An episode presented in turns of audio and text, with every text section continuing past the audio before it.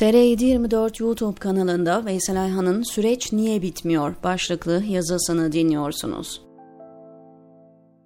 Hayat duadan ibarettir.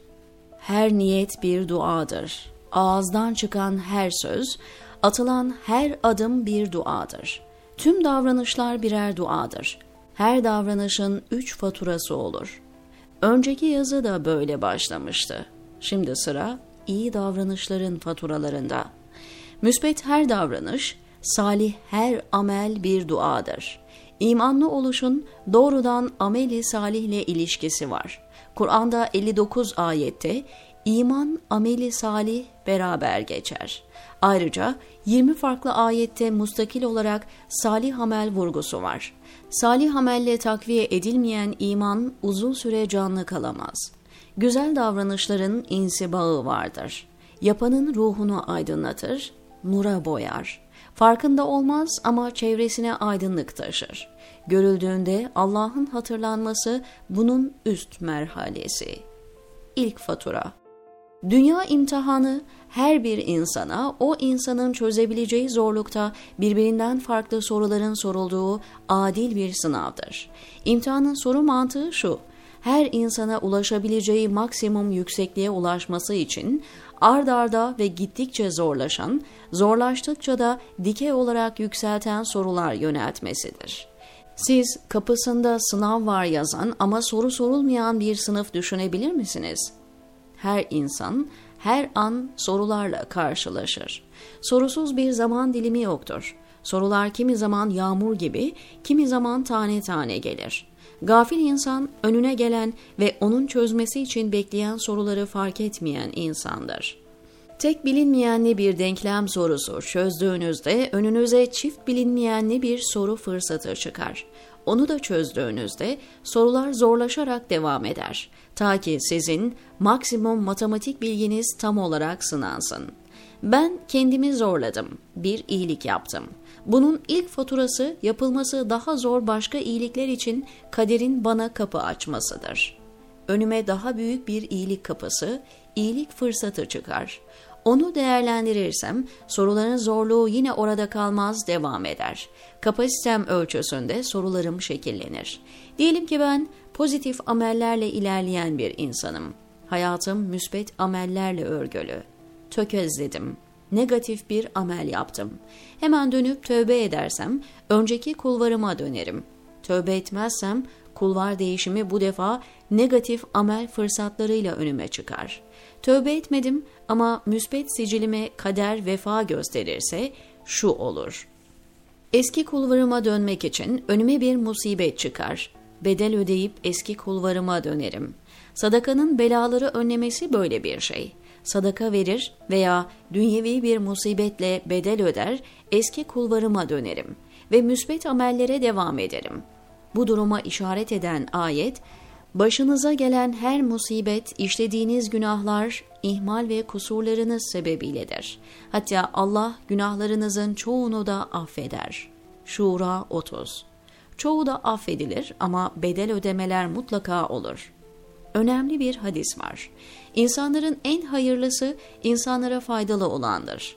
Buhari Megazi 35 diğer insanlara faydalı işler yapmak, salih amellerin en önemli kalemleri. Mesela ben sıkıntıya düşmüş bir ihtiyaç sahibine yardımda bulunuyorum.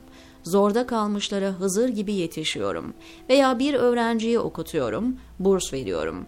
Bunlar o kadar değerli ameller ki bunları yapan bir insan için kader tüm hayır imkanlarını önüme serer. Böylece yaptığı hayırlar katlanarak artar. Allah'ın bu tür insanlara bir lütfu da kendilerinden habersiz olmalarıdır. Bu kulların yükselme ufku sınırsızdır. İnsan güzel şeyler düşünür, bundan dolayı önüne güzel ameller için fırsat çıkar. Güzel ameller yapar, bunun karşılığı olarak düşünce dünyası ve ruhu yıkanır, salih döngü olur. Yatay ilerlemez. Helozenik basamakları, adımlar, dikey olarak yükselir. Bu amellerin ilk getirisi Allah'ın sevdiği insanları bu insanlara sevdirmesidir. Çünkü muradı onlarla beraber olmalarıdır. Sonrası için örneklerle ilerleyelim.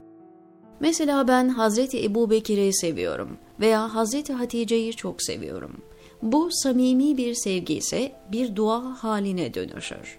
Benim ahirette Hazreti Ebu Bekir'le, Hazreti Hatice'lerle birlikte olmam için dua olur. Kuru bir sevgiyle, kuru bir duayla onların yanına erişemem.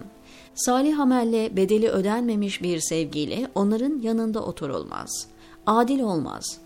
Kader önüme onların yanına erişebilmem için zor sorular, akabeler çıkarır. Sırtımdaki yük ağırlaştıkça ağırlaşır. Çilem arttıkça artar. Bakınız son örnek tutunanlar Emine Ayça Güler hanımefendi. Böylece onların çektiklerini bir ölçüde hissetmiş olurum. Diyelim ki nübüvvete veraset mesleğini hayat gayem haline getirdim. O zaman peygamberane imtihanlar önüme sıralanacak demektir. Aksi halde peygamberlerle aynı iklimde bulunmaya istihkakım olmaz. Samimi Allah sevgisi, Allah aşkı bedelsiz olmaz. Bu bedel ödenince Allah'a kurbiyet kazanılır. Böyle bir insan nazarında dünya mülk ve saltanatları birer zifostan ibarettir. Üzerine geldiğinde kaçar. Ödenen bedeller dıştan bakıldığında gözümüzü korkutur. Hariçten gazel okumaya kalkarız. Bir başka örnek Hazreti Yusuf. Allah'ın en sevgili kullarından biriydi. Bir peygamberin çocukluğunun nasıl sevimli olabileceğini hayal etmeye çalışalım. İşte bu Allah'a ait sevimli çocuk çölün ortasında yılanın çığının cirit attığı kapkaranlık bir kuyuya atılıyor. Varsayım yapayım. Ben o sahneye şahit olsaydım hemen onu kuyudan çıkarmaya kalkardım. Merhametle hareket etmiş olurdum ama kaderin muhteşem kurgusunu bozmuş olurdum. Hz. Musa ve Hz. Hızır o sahneye denk gelse, Hz. Musa da muhtemelen hemen onu oradan çıkarmaya kalkar ama Hz. Hızır itiraz ederdi. Kardeşleri onu kuyuya atıp Hz. Yakub'a Yusuf'u da eşyalarımızın yanında bıraktık. Bir de döndük ki onu kurt yemiş. Dediklerinde o inanmadı. Şöyle dedi. Hayır dedi. Nefsiniz sizi yanıltıp böyle bir işe sürüklemiş. Bundan sonra bana düşen güzel bir sabırdır. Belki de peygamber basiretidir ki söylenene inanmadığı halde oyunu okudu ve o en sevgili oğlunu aramak için bizzat peşine düşmedi. Sonra Hz. Yusuf esir pazarında satıldı. İnsan olarak esir pazarında satılmak nedir? Göçmen teknelerinde günlerce ölümle burun buruna gelenler, iltica kuyruklarına girenler birazcık anlar. Sonra iftira, nihayet zindan. Varsayıma devam edeyim. Hz. Yusuf'u o ürkütücü zindan izbelerinde görünce ben yine hariçten gazel okumaya kalkar, şöyle dua ederdim. Allah'ım Hz. Yusuf bir yıldır hapiste, artık izin ver de çıksın. Duam kabul edilmezdi. Duamın, gözyaşlarımın emsalsiz sevabını alırdım ama aşırı ısrar etsem nasıl olurdu? Gaybtan bana bir melek sesi gelir, şöyle bir nida duyabilirdim. Sana ne, o Allah'ın biricik kulu, onu senden de babası Yakup'tan da fazla seviyor. Bir takdiri var, rububiyetiyle o sevgili kulunu bir noktaya çıkaracak. Ne diyebilirdim? Diyelim ki iki yıl daha geçti, yine kalkıp şunu derdim. Allah'ım Hazreti Yusuf üç yıldır hapiste. Yetmez mi? Artık izin ver çıksın. Yine bana bu değerli dualarının emsalsiz sevabını al, sınırı aşma. Kuluyla Rabbi arasına girme diyebilirlerdi. Altı yıl geçerdi ben yine dayanamaz sınır aşar şöyle derdim. Allah'ım bitsin bu süreç artık. Altı yıl yetmez mi? Zindan çok korkunç. Yusuf Aleyhisselam'ın genç bedeni çürüdü hapiste. Sağlığını kaybetti. Ne olur artık çıksın. Belki artık cevap alma hakkımı da kaybetmiş olurdum. Böyle yedi yıl geçerdi. Vakti merhunu gelince Allah akla gelmez, hesap edilmez bir sebep halk eder ve Yusuf aleyhisselam beraat eder. Eşyanın tabiatı değişmez. Allah'ın yaratmasında bir değişiklik olmaz ve yapılmaz. 2 yıl vücut geliştirmeyle elde edilen kaslar 3 aylık çalışmayla kazanılmaz. Bir zirveye çıkmak için 7 yıl azami şartlarda çalışmak gerekiyorsa bunu 3'e 4'e düşüremezsiniz. Yusuf emsal insanlara dua edip kurtulmaları talebiyle gözyaşı dökmeyle Allah'ın rahmetini sorgulama sınırını çok iyi ayırmak gerekir. Yoksa Allah'ın en sevgili kullarının zindanlardaki halleriyle Allah'ın rahmetini sorgulama tehlikesine veya saygısızlığına düşeriz. İşte Allah'ın o gün olsam aklım ermeyecek o müstesna terbiyesinin neticesidir ki Hz. Yusuf sonrasında hazinelere nazır olduğunda dünya mülk ve saltanatını elinin tersiyle itebilecek bir zirveye yükselmiştir. Burada kaderin asli örgüsü Hz. Yusuf'u manen yükseltmektir. Mısır hazinelerinin nizam ve intizam içinde olması çok tali bir konudur. Ve Allah'ın peygamberi olmasına rağmen tevazuuna bakın ki bizim gibi düz insanların Allah'tan isteyebileceği şeyleri istiyor. Kendisi bir peygamberdir ama Müslüman olarak ölmeme endişesi taşımakta. Duası şu, beni Müslüman olarak vefat ettir. Dünyada çekmediği sıkıntı kalmamıştır ama Kur'an'da makamları ard arda zikredilen nebilerle, sıddıklarla, şehitlerle, salihlerle birlikte olmaktan en sonuncusunu ister. Beni salihler arasına kat. Hz. Yusuf'un büyüklüğüdür ki vefat talebini kuyuda veya zindanda veya iftira atıldığında yapmadı. O ağır çilelere rağmen o zamanlara ait bir ölüm talebi yok. Hz. Yusuf Allah'ın terbiyesinin zorluk ve neticesini ifade eden önemli bir prototiptir ki bugün kadın erkek on binlerce insan benzer miraçları yaşıyor. Allah adili mutlaktır. Hiçbir mazlumun hakkı zayi olmaz. Mazlum Allah'ın kefaleti altındadır. Dünyadaki hiçbir mahkeme bir mazlumun hakkını tamamıyla tazmin edemez.'' Salih amelin ilk faturası Allah'ın rububiyetiyle terbiye edişi şerefine erişmektir. Bu ağır terbiyeden şikayet etmek, o terbiye dairesinin dışına çıkmak için önemli bir dua olur. İkinci fatura Salih amellerin ikinci faturası ahirete bakar. Belli salih amellerin belli karşılıkları vardır. Ama bir de Allah adına ödenen bedeller vardır ki bunların karşılığı Allah'ın takdirine kalmıştır. Kendi adıma bir iş yaparken bir musibet gelir beni bulur. Bunun hesaplanabilir bir karşılığı olur. Bir de Allah adına yürürken, Allah için koşarken başıma gelen musibetlerde musibetin muhatabı mecazi olarak Allah olur. Allah adına koşana çelme takanın muhatabı Allah'tır. Kim benim velayetim altındaki bir kuluma düşmanlık ederse ben ona harp ilan ederim.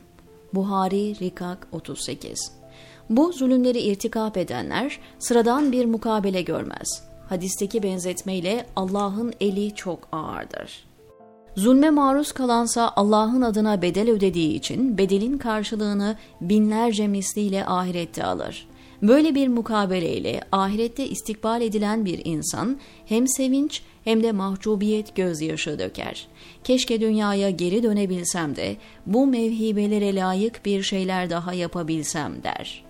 İkinci faturanın bir de ek faturası olabilir. Bu beraber kardeşçe hareket etmek, cemaatle salih amel yapmakla ilgili. Cemaatle namazın 27 derece fazla karşılık bulması gibi. Ben solo olarak bir şarkı seslendiririm. Bunun tabii ki bir karşılığı olur. Ama bir orkestranın parçası olarak müzik yapıyorsam bütün bir orkestranın yaptığı müzikten hissem olur. Hz. Bediüzzaman bunu iştirak-ı amali uhreviye olarak isimlendirip bize öğretiyor. Böyle bir durumda sesim kısılsa veya enstrümanım arızalansa hatta kırılsa da bir şey kaybetmem. O orkestranın bir ferdi olarak eksiksiz olarak karşılık almaya devam ederim. Bakkal dükkanım iflas etmiştir ama elimde çok büyük bir şirketin hisseleri vardır ve onlardan gelen gelirimin beni kurtarması gibi bir şey. Üçüncü fatura. Salih ameller insanın gözünün önündeki perdeleri kaldırır. Yakine giden yolları açar. Salih ameller için imanın kaskosu diyebiliriz. Ben astronot elbisesi olmadan Mars'ta yaşayamam. Oksijen yok, zehirli gazlar ve radyasyon bulutları var. Aşırı sıcak, aşırı soğuk. Astronot elbisesini çıkardığım an çok geçmez ölürüm. Dünyanın manevi atmosferini insan ruhu için Mars'a benzetebiliriz. İman en önemli varlığımızdır. İmanımızı ruhi açıdan Mars yüzeyi gibi olan dünyada korumak kolay değildir. Ruhi bir astronot elbisesi gerekir.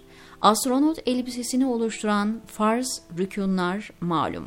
Ruhi canlılığımı bunlar ve diğer salih amellerle sürdürebilirim. Aksi halde imani zaaflarla salih amellerden uzaklaşırım. Salih amellerden uzaklaşınca imani zafiyet geçiririm. Bir fasit daireden diğerine yuvarlanır giderim. Dünyada maddi, zehirli gazlar yok ama ruhumu yerle bir edecek metafizik hastalıklar, vesvese ve şüphe fırtınaları var. Salih amellerle, farzların yanında az da olsa cevşen gibi, tevhidname gibi evratla, ruhi bünyeme astronot elbisesi veya zırh giydirmezsem ruhen canlılığımı sürdüremem. Soluk aldığım her zehirli gazla oksijensiz kalır, boğulurum. Bu astronot elbisesi çok narin ve incedir. İnsan cildi gibi sürekli yenileme ister. Ama bu yenileme bizim irademizle mümkün. Bazen paraya tamah, bazen mal, mülk, makam arzusu, bazen gıybet, bazen de kalp kırmak astronot elbisesini tahriş eder, yırtık yapar.